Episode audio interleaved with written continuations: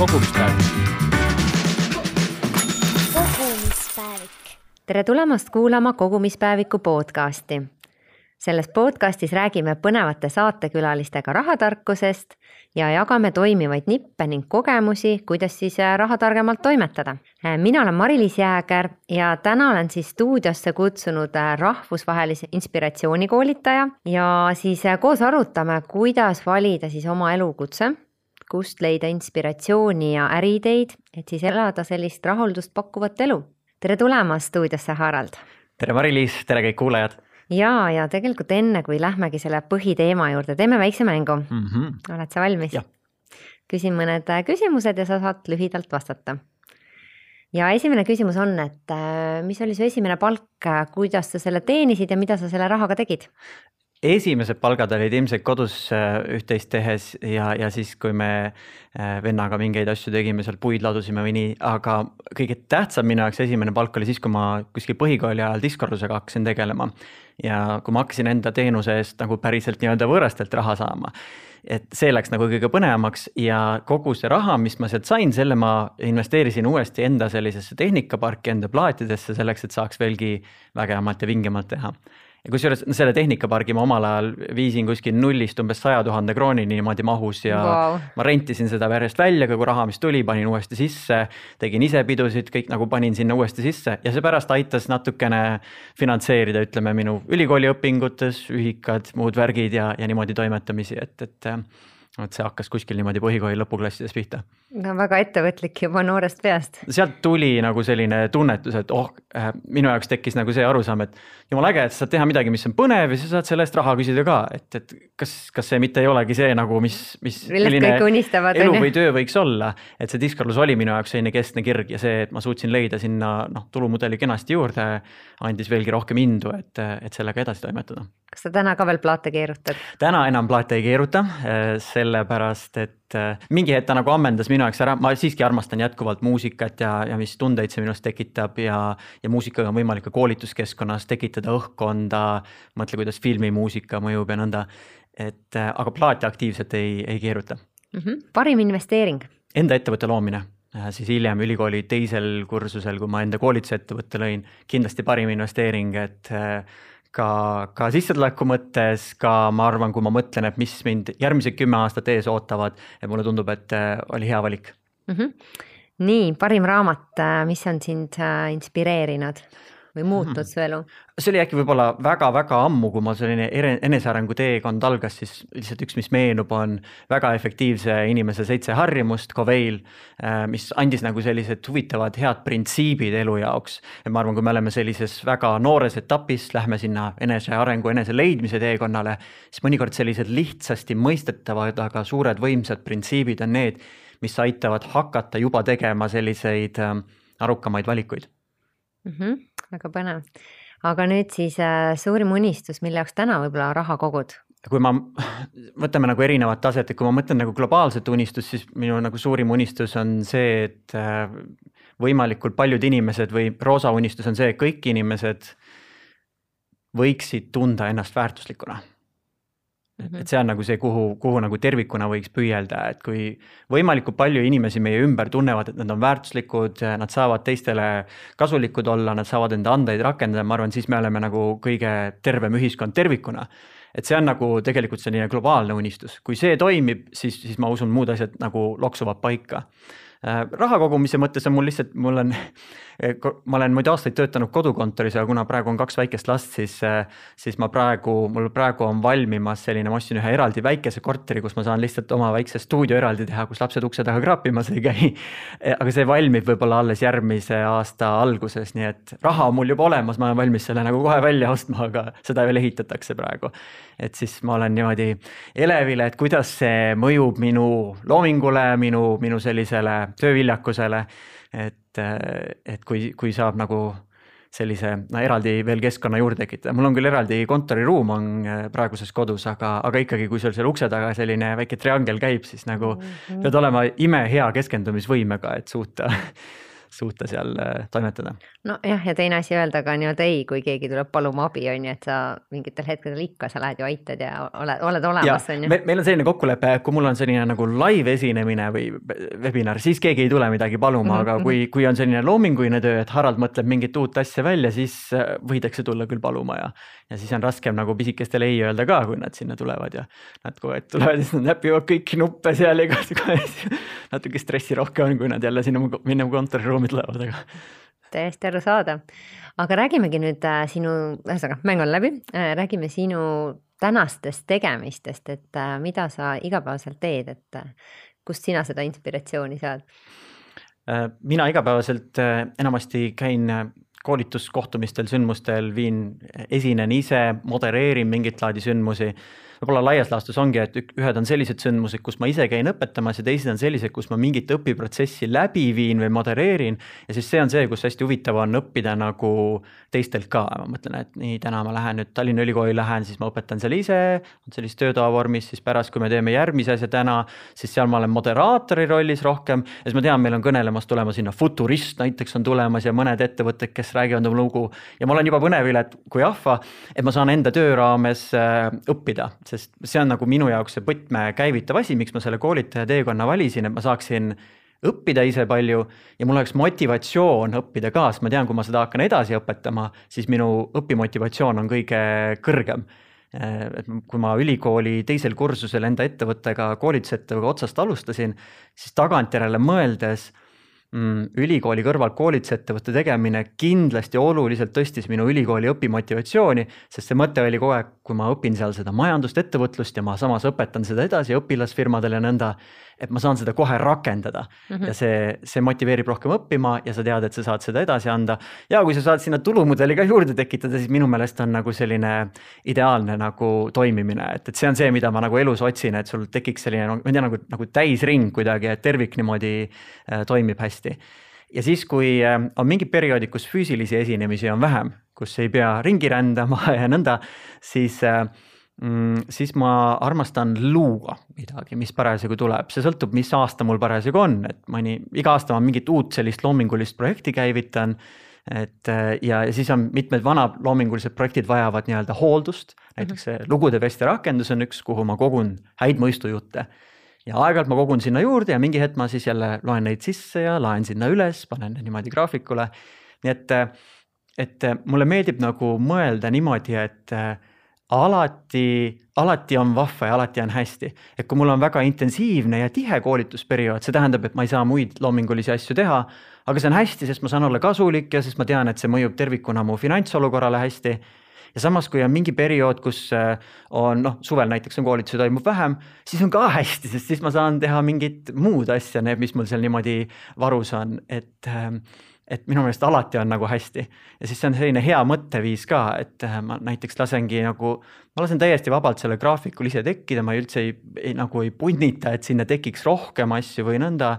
sinna tekib parajalt ja kui on intensiivne, väga hea, on sihuke tegus nädal ja kui on vähem intensiivne, väga hea, ma saan hinge tõmmata ja siis see loomingu tahe tekib siis, kui sul on piisavalt palju hingetõmbeaega, siis tekib nagu sihuke vaakum, et tahaks luua mm. -hmm. et peab aeg... olema vaikust natukene selline kuidagi olemist. kui sa kogu aeg kütad, siis sul ei teki nagu, ma ei tea, mõtle nagu Ragulkale, kus on selline kumm on nagu, et sa pead nagu selle niimoodi pingule ära tõmbama, et siis on nagu minek suur, et see vaikus või rahu tõmbab selle Ragulka niimoodi pingule, et see järgmiseks asjaks nagu minek oleks hea ja siis tekib nagu isu loomiseks, et, et seda on selline huvitav jälgida ja ja, ja kuna mulle tundub, et mul iseloomu poolest on nagu ma olen nagu hästi kiire uude valdkonda siseneja ja õppija, siis ma hoian enda tegevuse sellise mitmekülgse, sest siis mul on põnevam. et kui ma ainult nagu ühte liini ainult ajaksin, siis ma nagu kuidagi väsid ära või kuidagi see vaim või? silm väis ära, võib-olla see on, sest noh, minu töös inspiratsioon.ee ja nii, eks ole,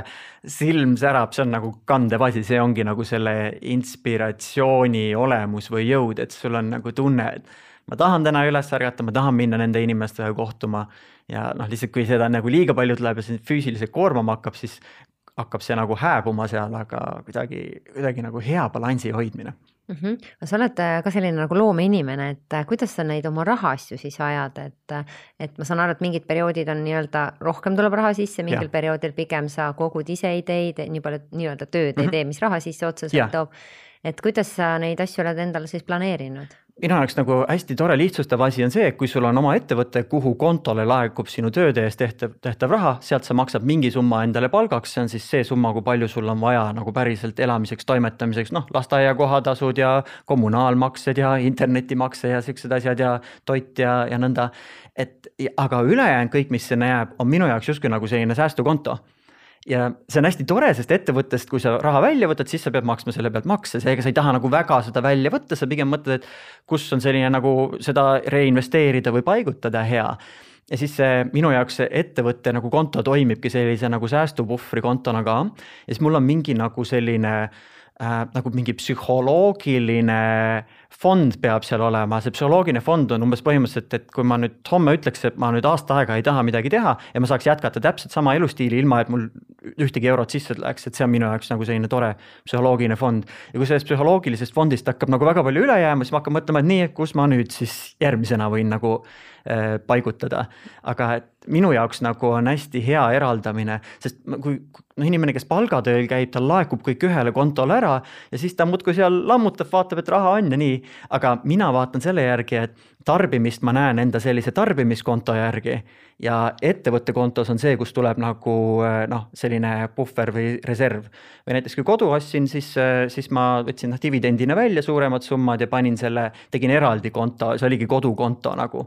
või kui ma teadsin, et ma tahan enda endale järgmise teise auto osta, natukene uuendada, et lapse käru paremini sisse mahuks ja maanteel veidi mõnusam oleks, siis ma samamoodi panin selle sinna eraldi kontole. see on minu autofondi oma, siis ma nagu jälgisin.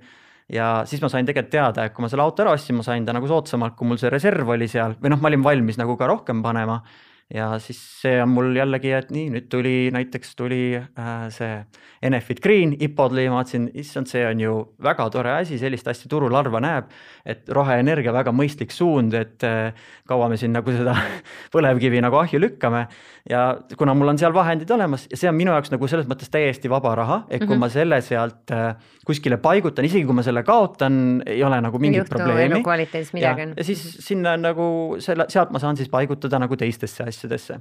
ja ettevõtete kontodele ma siis praegu kogun, see summa on mul tegelikult juba koos, et, et seesama väike tore korter, mille ma kõrvalmajja äh, nii-öelda äh, notari juures selle tehingu ära tegime, et äh, selle, selle vahendid on seal kenasti olemas, mina lihtsalt ootan, et tehke nüüd valmis, et no, aga mulle meeldib äh, pigem äh, rahaasjades see põhimõte, et et kui, kui sul miski on, et see on siis sinu enda oma et kui me kodu ostsime, siis äh, kodu samamoodi, noh, me planeerisime nagu ära ja siis läks seal mingi aasta aega, kui see äh, uus kodu nagu valmis sai äh, ja, ja tegelikult selle aja peale, kui see päriselt valmis sai, mul oli veel rohkem kogutud, kui ma ennem nagu planeerinud olin, ehk mina vist maksin mingi pool aastat pärast seda, kui me pang-, selle kodulaenu olime võtsin, võtnud enda osa ära ja siis elukaaslasel läks natuke pikemalt.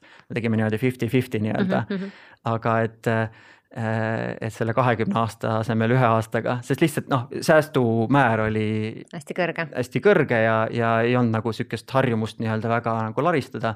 ja miks see minu jaoks on tähtis, on see, et psühholoogiline vabadus, kui ma ütlesin, mul on see puhver peab olema niimoodi, et aasta aega ma võin olla ilma tegemata Äh, et mõnes mõttes näiteks kui koroona tuli, et tegelikult noh, mul oli piisav puhver, et ei olnud probleemi, et ma oleks võinud lihtsalt tõesti ka kodus istuda, aga, aga ma avastasin, et sul on võimalik online'is ka neid asju teha ja ei pea üldse nii palju ringi sõitma ja, ja ma siiski koroona aastal tekkis, olin ka plussis omadega. et sul on see, just see vabadus nagu olemas, et sul ei ole sellist äh, nii-öelda neid kohustusi. see mõte on seal see, et, et minu jaoks oleks nagu kuidagi hästi piirav mõte, kui ma hommikul ärkan üles ja mõtlen, ma pean minema tööle sellepärast, et mul on kodulaen vaja teenindada aga kui ma tean, et see on nagu välja ära ostetud, siis, siis, siis ta on nagu isegi kui sa tead nagu, et, et sa ei pea tingimata selle laenu teenindamiseks minema, kuidagi nagu see psühholoogiline mõte seal, et sul on nagu mingi turvaline paik su laste jaoks ja nii, kui minuga midagi juhtub, ma ei tea, hääl ära läheb või, või midagi juhtub, et et see baas on nagu olemas mm. -hmm. mõned inimesed,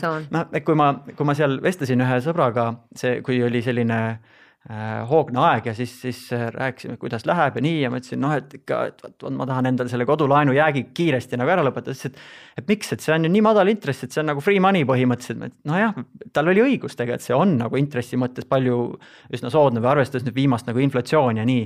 aga minu jaoks on see valuuta on hästi tähtis, see nagu mingi psühholoogiline tunne või vabadus. ja põhimõtteliselt, mis ma sellega teen, ma maksangi natuke mõnes mõttes kallimat hinda, et tunda seda vabadust ja, ja see annab nagu, nagu loob selle baasi, kus äh, sa võid endale lubada kas mingit eksperimenteerimist või nõnda või sa võid, või sa võid lubada seda, et laseme asjadel olla nõnda, nagu on, et ma ei pea nagu punnitama või pingutama või, või noh, mingi, ma ei tea, kellelegi nagu müüki tegema, et enda teenust müüa, et, et äh, hästi mõnus on teenindada kliente. Kõik, kes sisse tulevad, nad juba tahavad osta ja teenida neid. Versus kui sa lähed kellelegi pakkuma, ei, teie ettevõttel oleks koolitust vaja, et ohohoo et ma ei tea, et siis ei ole nagu seda survet sealjuures. aga nüüd, kui need baasid on olemas, siis muidugi võib minna järgmiste asjadega nagu eksperimentaalsemaks siis, siis võib nagu hakata mängima, noh, noh, nii nagu ma ütlesin, et kui on seal kontol mingid, mingitel kontodel see ülejääk, mis on nii-öelda mänguraha, et siis noh, sellega võib siis nagu toimetada teha. -hmm, proovida uusi ideid. aga sa oled väga tegus, et äh, mis need vanemad sulle kodust kaasa andsid, oli sealt midagi sellist eeskuju, et nemad olid ka juba ettevõtjad või, kust see tuleb? Siis, kui üheksakümnendad algasid, siis isa hakkas ise sellist Äh, ettevõtlust toimetama, ehk siis hakkas nagu poodi pidama ja, ja tegi sellise koha, kohaliku piirkonna toidukaupluse, tööstuskaupluse, see oli tegelikult omamoodi pullpood, me olime, elasime sellises väikses kohas nagu Nõo. Äh, ja seal ta tegi sellise poe, kus sul oli võimalik nagu kohalikule inimesele igasugu asju võimalik nagu külmkapid, värgid, mida kõike on vaja, on võimalik nagu hankida, toome selle kohale ära koju, et väga põnev teenus oli iseenesest, aga see oli hästi selline nagu noh, natuke nagu nagu töömahukas, aga tundub, et isa oli selles suhtes nagu kirglik, tema ikka nagu küttis seal päris pikki päevi ja nõnda. kuni siis ühel hetkel tema jaoks äh, tuli nagu selline muutus, kus see ammendas tema jaoks ära ja siis ta hakkas huvituma igasugu sellistest enesearengu teemadest. ja siis, äh, siis ma ise võtsin mingiks ajaks opereerimise üle ja toimetasin ja vaatasin, et et äh, ülejäänud elu niimoodi kaupluse juhi rollis ei taha nagu olla, et see ei ole nagu see, mis mul nii-öelda silma särama paneb aga see on nüüd igatahes ise toimivaks viidud, see toob, see on isa pensionisammas, mis toob talle siis äh, igakuist sellist äh, rahavoogu ja tema saab siis teha enda lemmikhobidega tegeleda, traktoritega timmida ja, ja, ja oma indiaanilaagrites käia ja nii.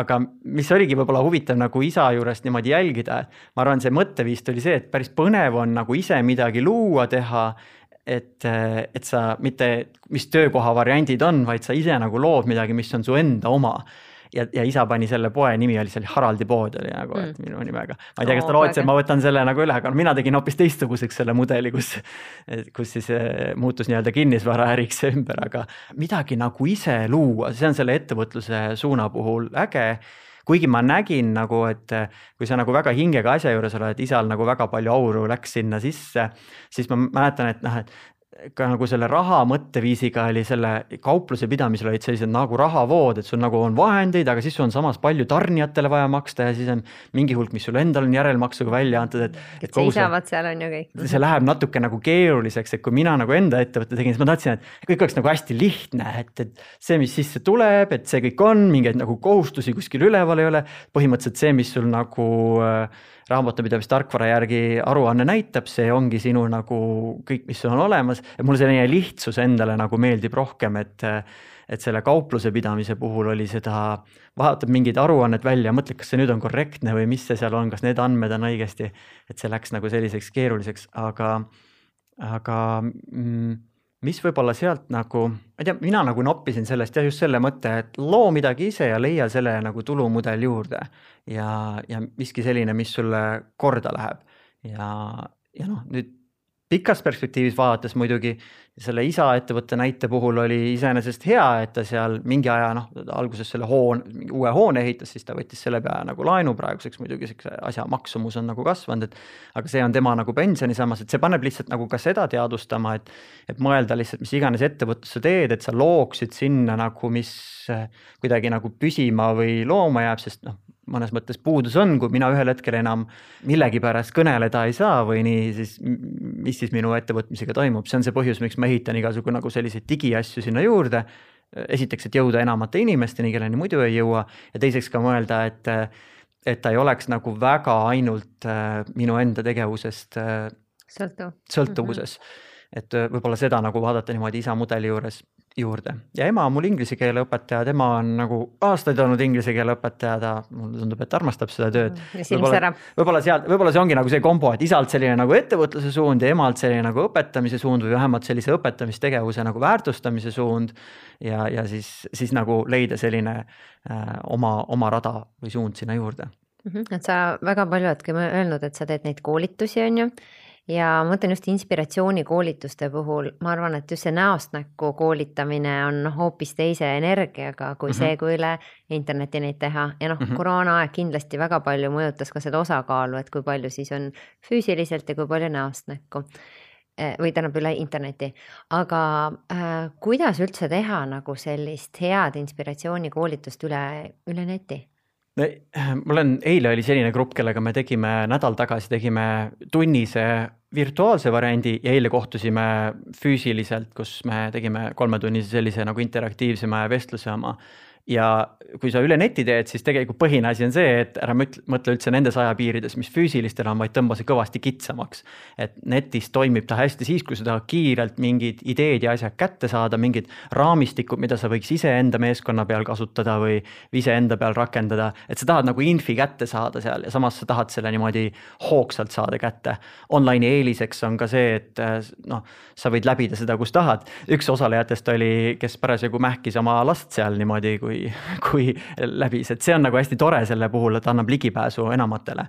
mis aga hakkab määrama, äh, mina tegin sellise asja, et mis mind nagu häiris, kui see, kui, kui eriolukord äh, tekkis kaks tuhat kakskümmend aasta kevadel, siis ja kui ma vaatasin, et kuidas see Zoom'is asi käib, mind nagu häiris, et sul on mingi suur slaid on seal, see inimene on mingis väikses kastis nurgas ja see ei olnud nagu üldse selle moodi, et mida, kui sa konverentsile lähed või kuidas sa nagu seda muidu näed siis ma nuputasin, ehitasin endale sellise nagu rohelise tausta stuudio, kus ma sättisin nii-öelda justkui nagu videoliimin ennast sinna pildi ette ja osalejal on siis sarnane tunne, nagu ta oleks sellises noh, nagu, nagu, nagu konverentsil ja seal selle ekraani ees on siis keegi, kes niimoodi hoogsalt selgitab ja on nagu suhestub kogu selle pildiga.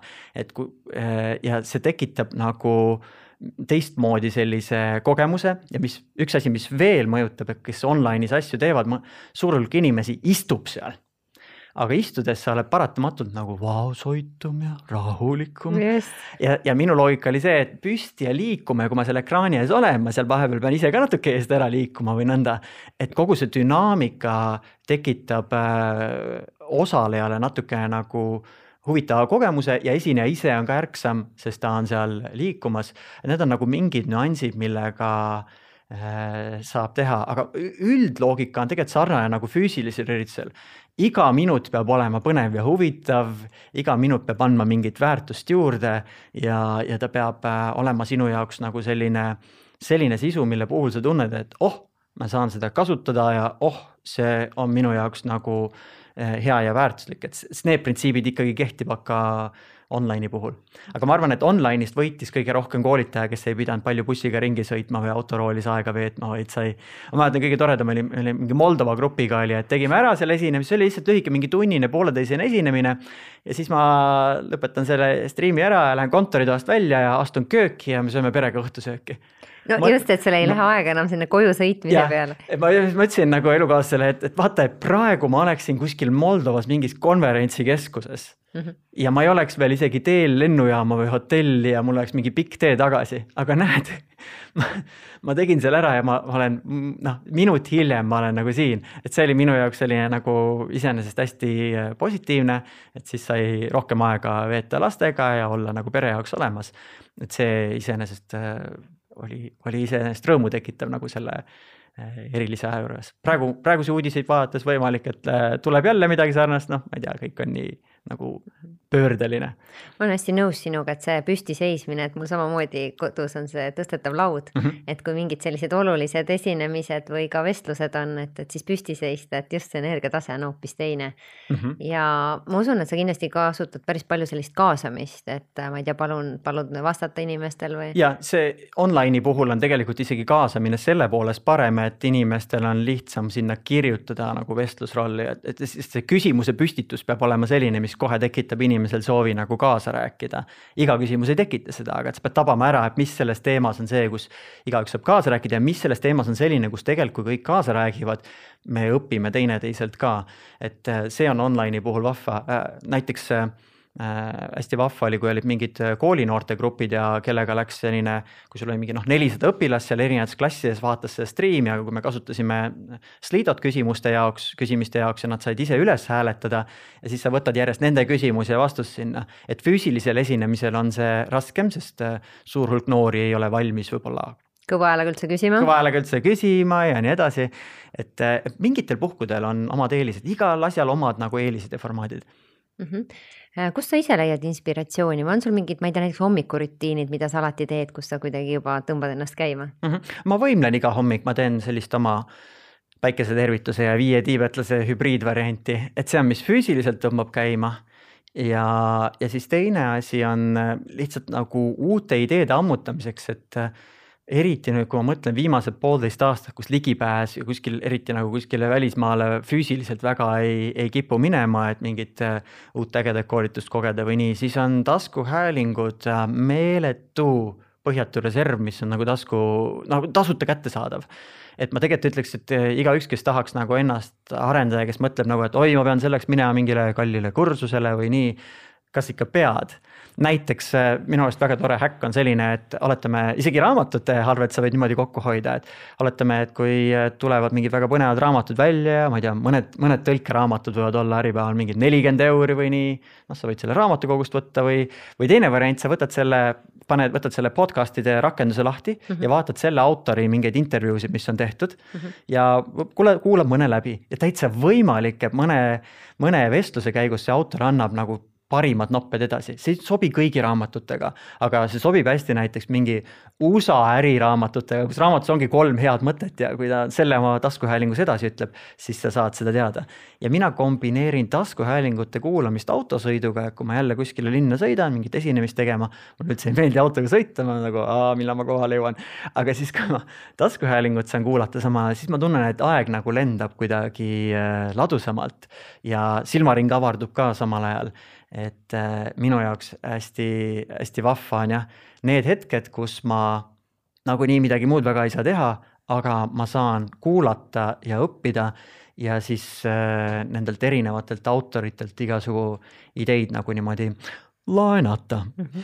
aga sa ise oled samamoodi kaasautor raamatul Minu elukutse et äh, kas äh, samamoodi nüüd otsida välja neid podcast'e, saame ja. me sellised äh, põhinipid teada? minu elukutse Rolandiga siis kirjutasime koos, mina kirjutasin esimese poole, tema teise poole raamatust ja see on üks selline raamat, kus ei saa nagu lühikokkuvõttega päris nagu kätte, sest seal on nagu, ma olen pannud sinna hästi palju harjutusi, mida nagu enda jaoks läbi mõelda ja mõtestada. et sa saad võib-olla mõned nopped mingitest, kui vaatad taskuhäälinguid, mis minuga on tehtud, aga mm -hmm. mingi hulk harjutusi on ikkagi sellised, mis, mis on hea sealt nagu nagu omas tempos nii-öelda läbi teha, sest see aitab sul siis mõelda, et kes ma olen, mida ma tahan teha, mis see minu eripära võiks olla.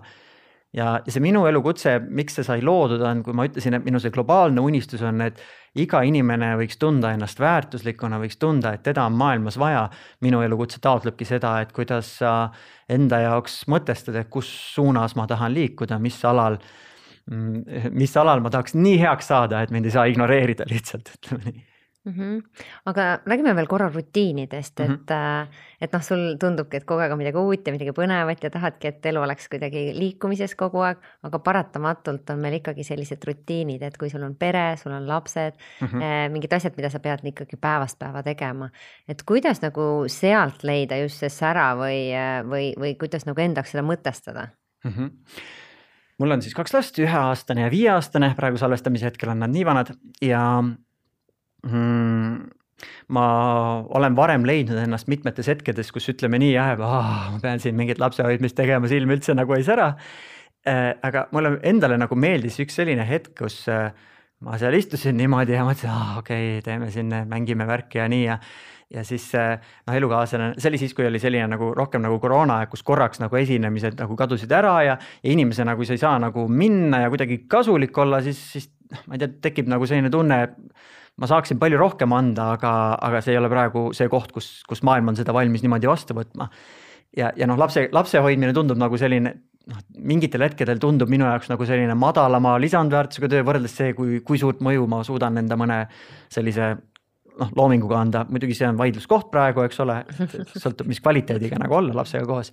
aga oli üks hetk, kus ma seal olin lapsega koos ja niimoodi natukene niimoodi mossis või nii ja siis elukaaslane tuli ka ja pööras tähelepanu, et et, et, et mis ma siis praegu tahaks teha, ma mõtlesin, et ma tahaks tegelikult praegu hoopis kontorituppa minna, luua midagi, et teha värki ja nii ja aga siis elukaaslane ütles mulle, et, et aga, et tegelikult sul ei ole ju vaja töövärki teha, et sul on ju nagu see noh, puhver on olemas, sul nagu vahendeid on piisavalt, et vaata, kui rikas inimene sa oled, et sa tegelikult võid päev otsa selle kolmapäevase päeva lihtsalt veeta oma lapsega siin legodega mängides. et sa oled ju tegelikult väga rikas inimene. ja siis minu jaoks oli hästi huvitav nagu niimoodi nagu muutus vaatenurgas, et kui ma muidu äh,, muidu nagu äh, mõtlesin jah, et peab niimoodi noh, hullult nagu kütma ja nii, aga see tähelepanek, et see, et sa saadki endale lubada, seda ongi nagu jõukus. Ja kuna selles hetkes midagi muuta nagu ei saanud, lasteaed oli kinni ja nii edasi eh, ja, ja, ja füüsiliselt kohtuda ei saanud, siis see, see vaatenurga muutus aitas mul nagu palju paremini leppida ja nüüd järgmistel kordadel ka, kui ma tunnen, et sees hakkab mingi hääl minema, et aa, ma olen siin nagu äh, nii-öelda ninnu-nännu värki teen, aga noh, ma võiks nagu midagi jälle luua teha, siis Harald, sa oled rikas inimene, sa saad endale seda lubada, eks ole. et selline nagu äh, rikkuse mõtteviis sinna enda tegevusele juurde ja see on just äh,, ma arvan, asjad, mis puudutavad pereasju, sest pereasju tegelikult sa ei saa nagu teenusena sisse osta. et sa ei saa nagu sa ei saa nagu nii-öelda maksta kellelegi, et ta oleks äh, sinu lapsele parem isa või, või nii nagu, et sa ei saa, sa ei saa nagu seda asja, raha ei saa seda osta, noh lapsehoidjat saab osta, et noh mm, see on. seda lähedust võib-olla on ju lapsega ka. mis mina olen nagu täheldanud lastega on kõige olulisem see, et et kui olla, siis olla nagu kvaliteetselt koos, et kus ma hakkan natuke nii-öelda äh, luuslanki lööma, on see, kui ma liiga pikalt järjest päevi päevi pean koos olema. aga kui on need asjad, kus ma kontsentreeritult olen nagu mõne tunni või nii, siis ma tunnen, et see nagu selles ühes tunnis on palju rohkem nagu armastust ja rõõmu ja kasvamist, kui noh, mitmes päevas niimoodi lohistamist. et see tähelepanek on küll, et et mõelda lihtsalt, sellepärast on hästi tore, kui ikkagi lasteaed nagu lahti on, et siis põhiosa päevast võtab äh, lasteaiaõpetaja nagu enda kanda ja siis ma saan õhtul anda selle oma mõne tunni niimoodi seda noh noh, tõelist keskendumist ja nõnda, sest muidu jah, kui ta on niimoodi terve igavik, siis, siis nagu ta ei ole nii kvaliteetne. noh, aga tegelikult, äh, mis me ütleme siis emadele, kes äh, võib-olla oh, peavadki nii-öelda mõned mm. aastad näiteks järjest mm -hmm. kodus niimoodi olema ja et ja. kuidas nendel siis sellist äh, nii-öelda seda silma säravana hoida, et jah kindlasti.... seal on, seal on jõukad on need, kelle, kelle ämmad-äiad ja vanemad elavad lähedal ja kes tahavad. ma olen mõnikord nii kade, kui mõned räägivad, oo, et mul on ema, nii tahab hoida nagu lastele. meil on äh, elukaaslase vanemad elavad Viljandis, me ise elame Tartus ja minu vanemad elavad Elva külje all, et minu vanemad tulevad nagu, no kui ikka vaja on, siis nad nagu tulevad, aga et noh, see on nagu üks see pääsetee, sest ega ma arvan, et seda nagu nõksu ei ole, kui ikkagi su kogu päevatunnid on hõivatud ühe inimese jaoks, siis lihtsalt seal ei ole nagu ruumi, et tekiks oma ruum ja oma mõtlemise ruum ja, ja mingi nagu võime või julgus unistada. kui sul noh, need kõik päevad on nii täis book itud üht, ühte väikest tegelast, et mm, -hmm. et see on see on jah raske seal, et seepärast noh. noh, leidagi aega nagu endale, et just võttagi või kuidagi ikkagi tekitada neid hetki. võib-olla see, seepärast ongi nii, nii oluline, kes iganes meil praegu veel kuulab, kellel veel lapsi ei ole, et siis see aeg on see, kus nagu hästi hea vundament ära laduda.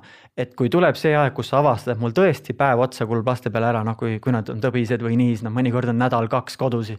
et, et sa võiksid öelda, et aga ma saan seda endale lubada et, et kui veel on võimalik ette niimoodi vundamenti ära laduda, siis noh, noore inimesena praegu mõtled, aa, mis peaasi, et endal on hea, aga, aga et sa võiksid endale lubada seda jõukust, et, et kui lapsed tulevad, siis ma saan lubada, et kui ma pean nädala võtma töölt vabaks, et noh, siis teeme nii.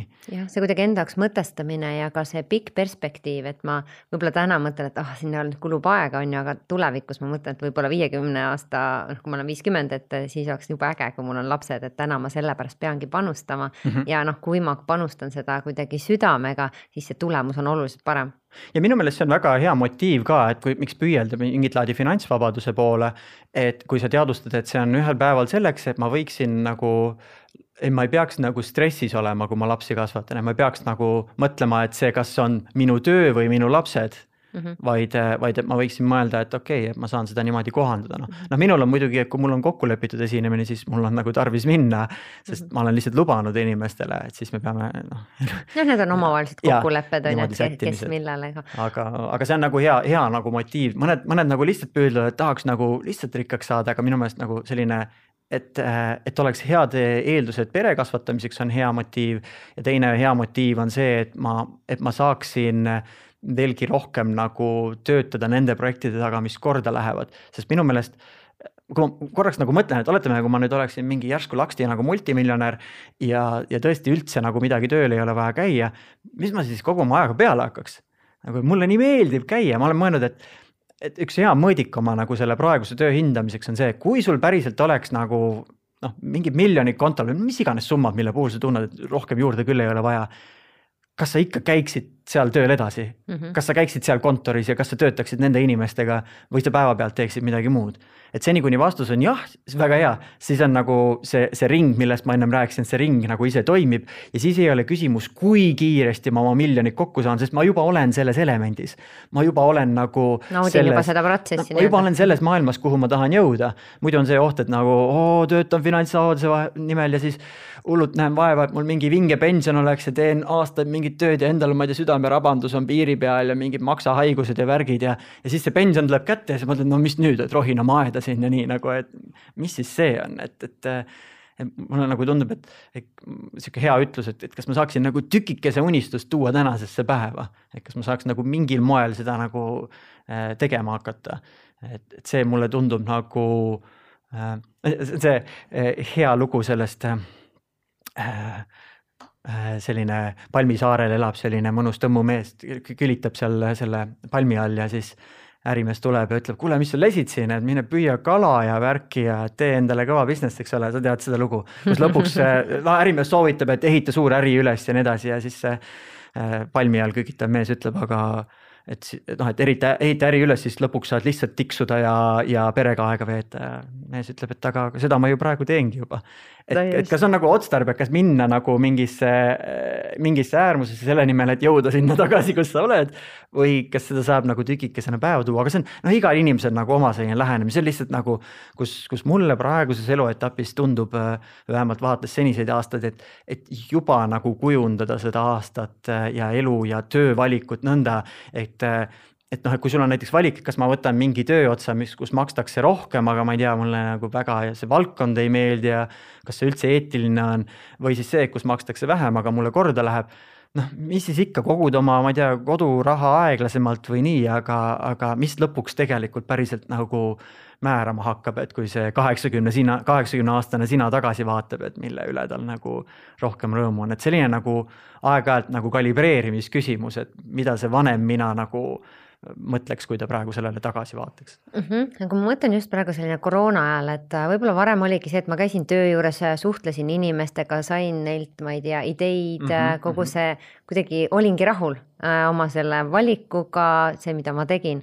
täna ma istun võib-olla kodukontoris juba üle aasta olen istunud mm, -hmm. ma ei mhm. saa seda energiat seal enam, ma tunnen, et noh, enne oli, täna enam ei ole see, et, et kuidas neid siis noh, ja ma ei tea tegelikult, et äkki ma saan poole aasta pärast tagasi minna, see kõik jälle taaselustub mm, -hmm. aga võib-olla ei saa, et äh, kuidas siis nagu sealt edasi minna või noh, tihti on väga raske seda muutust teha, sest sul ongi, ma ei tea, mingid kohustused ja võib-olla julgust ei ole ja noh, sõltub, mis vanuses sa juba oled mm. -hmm. et äh, mis sealt võib-olla need sammud oled või oleks või mida endalt nagu küsida või, või kuhu minema hakata?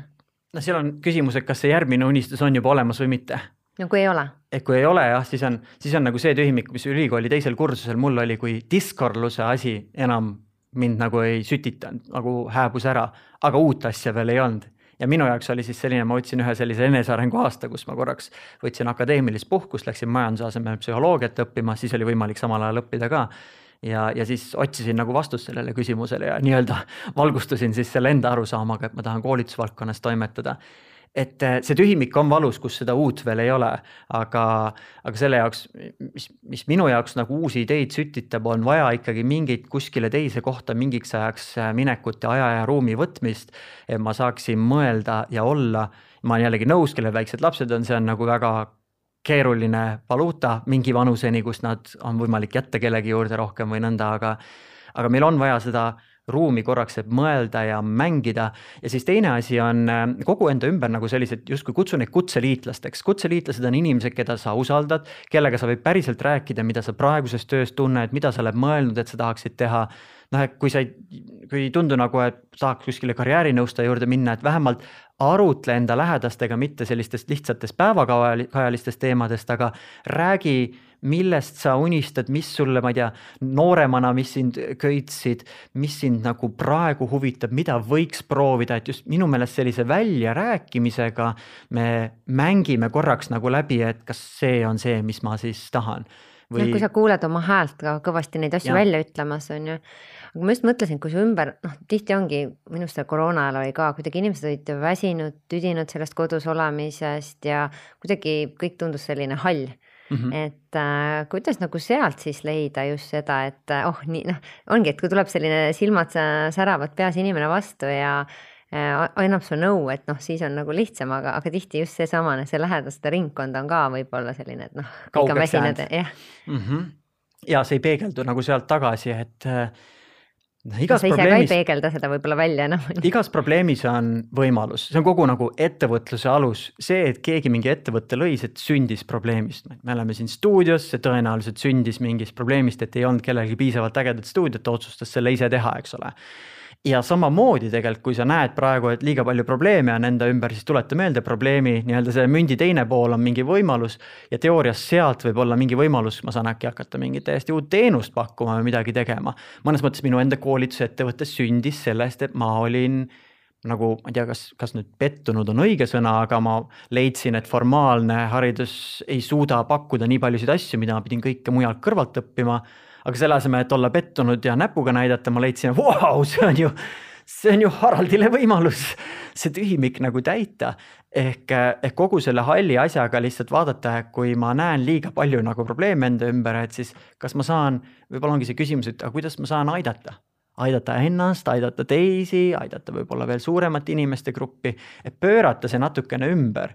sest äh, kui me anname enda inimelule ja tegevusele tähenduse, siis tuleb sellele nagu jõud, jõud järele juurde nagu. et, äh, et selline nagu tahtmine teha on siis, kui me usume, et see on nagu vajalik, ma mäletan, kui ma koolitusettevõtjana alustasin noorena, siis ma nagu uudsin, uskusin, et mina olengi ainus, kes maailma saab muuta ja ma pean nagu iga päev oma parimas seisundis olema, minema ja teha noh, nüüd ma olen õnneks piisavalt palju turu-uuringut teinud, et aru saada, et jaa, maailmas on palju teisi ka ja ega noh, midagi nagu ära, ära ei kao, aga, aga see oli nii äge jõud, mis alguses nagu käivitas.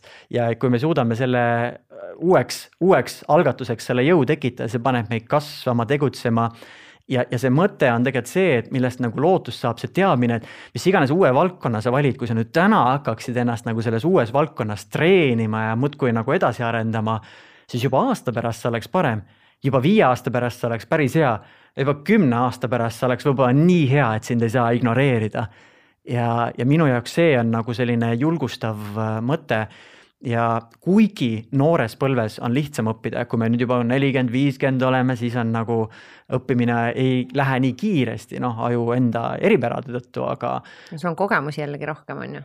sul on kogemusi, sul on muid asju, mille pealt saad noppida, aga, aga noh noh, need on inimesed, need keskeakriisid ja muud asjad, aga üks variant seda üle elada on leida endale mingi suund, kus sa hakkad liikuma, kasvama, õppima ja midagi looma. ja kõige toredam, kui sa sellega saad ka teisi inimesi mingil moel aidata, et, et lihtsalt selles hallis asjas vaadata, et kogu enda jaoks neid probleeme ja iga probleemi järele küsi, mis võimalused siin selle probleemi juures on võib-olla kasvõi see, kui sina tunned, et ma olen siin kodus ja mu kolleegidega ei näe, see tegelikult on mingi, lõhnab natuke äriidee alge järgi, millest saaks kasvatada välja mingeid teenuseid teistele, kes on sellistes kollektiivides ja nõnda.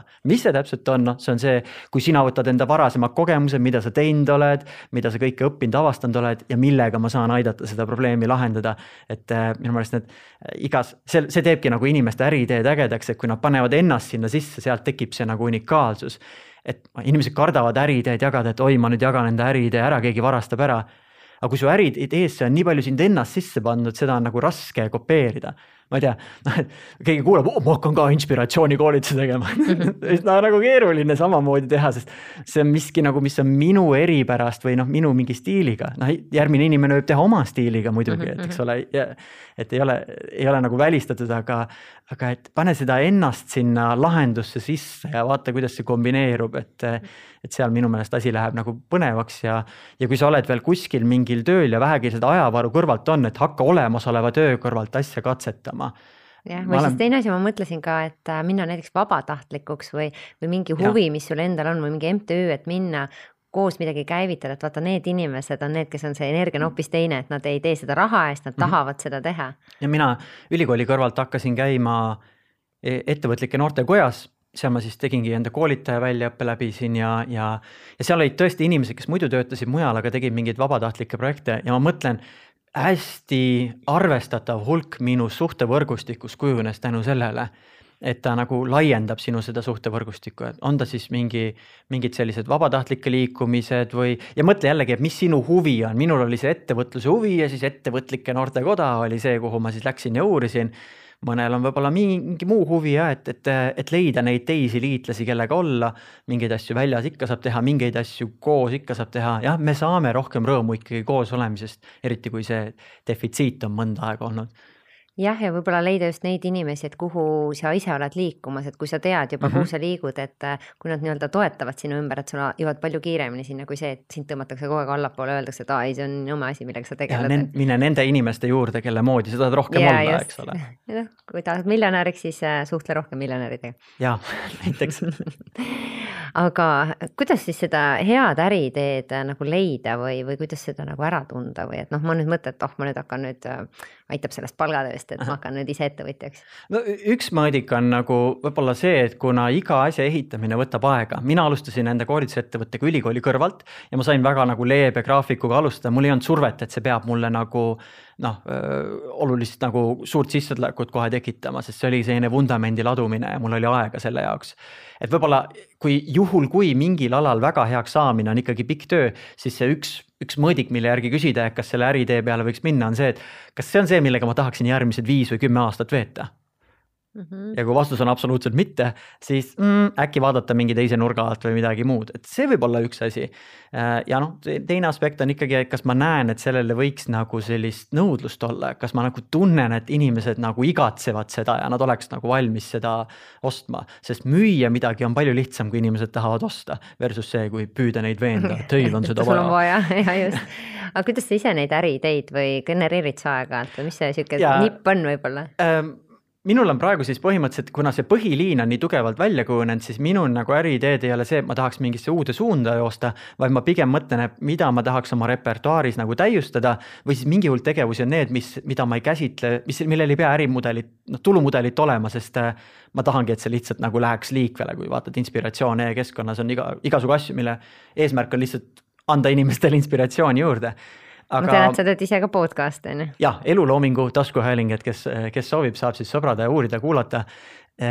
üks, üks moodus, mul on eraldi sellised nagu nimistud on, ma kasutan Evernote'i rakendust. seal on, mul on üks nimistu on amazing things to create, et seal on siis uued nagu kursuse formaadid või mingid telesaadete formaadid või asjad. Nad on kõik sellised asjad, et et kui mul tekib mingi periood, kus ma tunnen nagu, et noh, kas tahaks midagi uut või on aega midagi uut teha, siis ma vaatan selle listi üle ja mõtlen, kas praegu on aeg õige mm. -hmm. minu meelest ideede puhul ongi tähtis nagu regulaarne harjumus luua, et kui nad tekivad, sünnivad, panna neid kirja ja sel hetkel, kui sul on valmidus nendega tegeleda, et sa vaatad neile peale, tunned, mille jaoks praegu on õige aeg, sest ajastus on iga idee jaoks ka hästi oluline et mm. -hmm. mõne asjaga võib-olla, et äh, ajast ees on ju, et natuke peab veel ootama. aga kui see on väga ajast ees, siis tasub praegu näiteks teise töö kõrvalt hakata ennast selles valdkonnas mm -hmm. nagu arendama ja valmistuma, kui sa tead, et see mõne aasta pärast tuleb, sest äh, noh, enda mingi meisterlikkuse saavutamine võtab aega. aga, aga jah, et kas, kas seda veel nagu väga tormi joostakse, et mul lihtsalt oleks see, et kui ma päriselt mingeid uusi ärisuundi alustaks, siis ma vist ei saaks nii palju enda seda põhisuunda teha. jah, aga mulle... sa naudid ju tänast tööd, et sul pole mulle, otsest vajadustki. mulle meeldib nagu hästi palju nagu aidata nendel, kes enda, kes, kes nendel töötubadel, mis ma teen, kes oma ideedega tuleb, et aidata neil nagu leida mingeid elemente juurde, kuidas nad paremaks saavad teha, aidata näha perspektiive ja samas aidata näha ka väga kriitilisi lülisid, mille nad peavad välja nuputama, et see asi võiks lennata ja siis ma tunnen, minu jaoks on nii erutav kogemus nagu selle ideega selles faasis mängida, sest elluviimine, noh, kui sa nüüd kõiki sa suudad palju rohkem ideid arendada, kui neid kõiki ellu viia, sest elluviimine on ikkagi hommikul üles ja tegutsema. see ei ole üldse nii seksikas asi kui, kui ideedega mängimine, aga noh. kas sa teed coaching ut ka? Äh, ma seda niimoodi avatud teenusena ei tee, ma coaching ut teen äh, vajadusel teenusena nendele, kes on äh, tahavad enda äriidee pitch'i kokku panna, seda lühiesitlust. Et kes lähevad mingile konkursile, asjale ja siis ta tahab nagu kellegiga selle läbi arutada, mõelda ja siis seal on kaks elementi, et me põhimõtteliselt natuke timmime edasi, et mis see väärtuspakkumine on, mis seal tähtis on ja siis me vaatame, kuidas seda nagu niimoodi kommunikeerida, et kuulajad saavad aru, et mis, miks see äge on ja, ja miks sinna nagu tasub panustada. sest aga muidu, kes nagu coach'i otsib, et ma arvan, meil on Eestis on päris palju igati tublisid tegijaid, lihtsalt vaatajaid, kes, kes endaga niimoodi haakub, mulle endale lihtsalt tundub, et et äh, kui ma suudan nagu grupiga töötades noh, X korda suuremat mõju teha, et siis ma pigem olen nagu selles suunas, et äh, ei välista, aga, aga praegu pigem nagu gruppidega ja siis pitching'u, coaching'u puhul on, on sellist üks-ühele asja, sest seal on, kui sa tahad kindlalt nagu oma selle asjaga tööd teha, et siis korrastada mm. -hmm. aga sa töötadki väga palju ka noortega, et äh, mina olen tähele pannud, et kuidagi noh, nagu ikka, äh, noored on natukene juba teistsugused, kui meie oleme võib-olla oh,. ja nendel kah, see on kuidagi sütitab mingi asi, nad äh, panustavad sinna energiat, võib-olla ei maga ka. ja siis kuidagi, ah sai otsa, võtaks nüüd mingi uue, et kuidagi seda püsivust on nagu oluliselt vähem mm. -hmm ma arvan, see on osaliselt seotud selle, milliseks meie infoühiskond on ka muutunud, kuidas me mingeid asju saame, me saame seda, me tahame seda kohe ja me tõmbame, no see on nagu Netflixi binge, binge watch imine, et sa vaatad ühe sarja nagu intensiivselt kõik läbi ära ja mm -hmm. siis on tehtud nagu. et äh, nüüd äh, ma ei tea, kas sellele on nagu mingit lahenduskäiku, võib-olla see põhine lahenduskäik on noorte puhul lihtsalt käsitleda enda algatusi, ideid nagu eksperimentidena, et ma teengi ta läbi ära ja, ja teha ta nagu sellisteks väiksemateks edukogemusteks või tükkideks. sest kui sa midagi väga suurt ehitad, see on nagu väga pikk töö, enne kui see valmis saab, kui sa teed selle väiksemateks tükkideks, siis sa saad nagu jess ja jess ja jess niimoodi nagu hoogu juurde. ja noorte puhul üks aspekt on ka see, et äh, see erinevate asjade vahetamine on okei okay,, sest see on osa asjade läbiproovimise protsessist minu soovitus oleks võib-olla ka mingi, kas siis vabaühenduse või noortel on enda mingid tudengiorganisatsioonid, asjad, et mine sinna ja võta nagu õpingute kõrvalt mingeid rolle, kus sa proovid läbi ennast erinevates asjades. ja nii sul tekib arusaam, mis on mulle, mis pigem ei ole mulle. et siis, kui sa lähed päris asju tegema, siis sul on nagu juba teadlikum valik, et mida ma mida ma võtan, mida mitte, et sa ei hinda nagu asja niimoodi pealispildi või nii-öelda nii-öelda kaane alusel, et oo, see näeb seksikas variant välja, seda võiks teha. vaid sul on nagu arusaam, et mis mul nagu paremini välja tuleb ja võib-olla, et mis tugevuse mina sellesse rolli kaasa võtan, et kas ma näen, et ma saan selles panustada aga mingi vanuseni ongi katsetamine ja kui nüüd kuulaja on selline soliidsemas eas ja ütleb, mis katsetada mina, siis jaa, katsetada ka sina, sest tegelikult ega uue suuna leidmiseks ikkagi ongi vaja natuke nagu proovida, et avastada ennast mingis tegevuses. ja võib-olla selle koroona aja raske asi ongi see, et meie kokkupuude uute tegevustega on oluliselt kahanenud ja sealt ka siis mingit laadi uued inspiratsioonistiimulid on nagu vähenenud, aga aga, ja võib-olla selle katsetamise puhul on tähtis asi, et ära annagi pikaajalisi lubadusi, et ma midagi nüüd tulengi siia tööle ja siin teengi, vaid vaatagi, kus ma saan mingi kas siis ürituse, aktsiooni või challenge'i raames nii-öelda kaasa lüüa, et proovida ära ja siis otsustada, kas ma tahan seda veel et. aga sa üldse, ütleme omal ajal pigem jäädi mitmeteks aastateks ühte kohta tööle mm., ma saan aru, et see on ka muutumas, et kui ma olen näiteks tööandja, et noh, et mida ma sellelt noorelt siis. noh, kuidas ma teda üldse köidan või ma saangi aru, et pigem võtta selliseid lühiajaliseid projekte või kogu aeg leida talle sellist äh, ma ei oska öelda jälle midagi uut, noh, et kolm sekundit ja uus asi on ju, noh mm -hmm. piltlikult. noh eh, unistuste töötaja tööandja jaoks on selline, kes on justkui ettevõttesisene ettevõtja unistuste yes. töötaja oleks selline noor hakkaja inimene, kes tuleb sulle ja mõtleb ise kaasa ja ise leiutab, kuidas me saame asja paremaks teha. see on nagu no vähemalt aruka juhi jaoks see võiks olla hea asi, mõni võib-olla vaatab, et saboteerib üritust, on ju, et kuidas ta vastu mängib, aga, aga et et ideaalis ka inimesena ise mõelda, kuhu iganes sa tööle lähed, et enda sellist nagu initsiatiivi näidata, et nii vahvad on need inimesed, kes mõtlevad, et no sa võid töötada mingis suures asutuses, aga sa teed seda asja nagu hingega, et et oletame, et, et kui sa teed siin oma kogumispäevikut nagu hingega, et sa tunned, et see on nagu minu lapsuke ka mm, -hmm. siis see on, sul on nagu teine panus seal sees ja sa ise mõtled välja, mis ma veel saan teha, mis ma veel saan mis toimetada. ja kui sul igavaks läheb, siis sa mõtled mingid noh, täiendavad tegevused juurde, et see peakski võib-olla see nagu võtmeasi olema, et et anda inimesele see vabadus nagu enda tööd kujundada ja leida moodusi, kuidas ta saab seal liinis nagu põnevamaks teha. Ja kui ta tõesti ei leia, kuidas ma selles ettevõttes saan ise kasvada, edasi liikuda, siis võib-olla, võib-olla jah. mingi teine koht hoopis. Ma tean, et see on nagu hirmutav samm, et mingi asja vahetamine, kas see kõik lendab ja nii, selle jaoks on hea võib-olla enda jaoks natuke nagu koguda ja vundamenti laduda, et sul on selline nii-öelda hüppelaua koht. Ja alati, kui sa vanast kohast lahkud, siis hoia suhted head.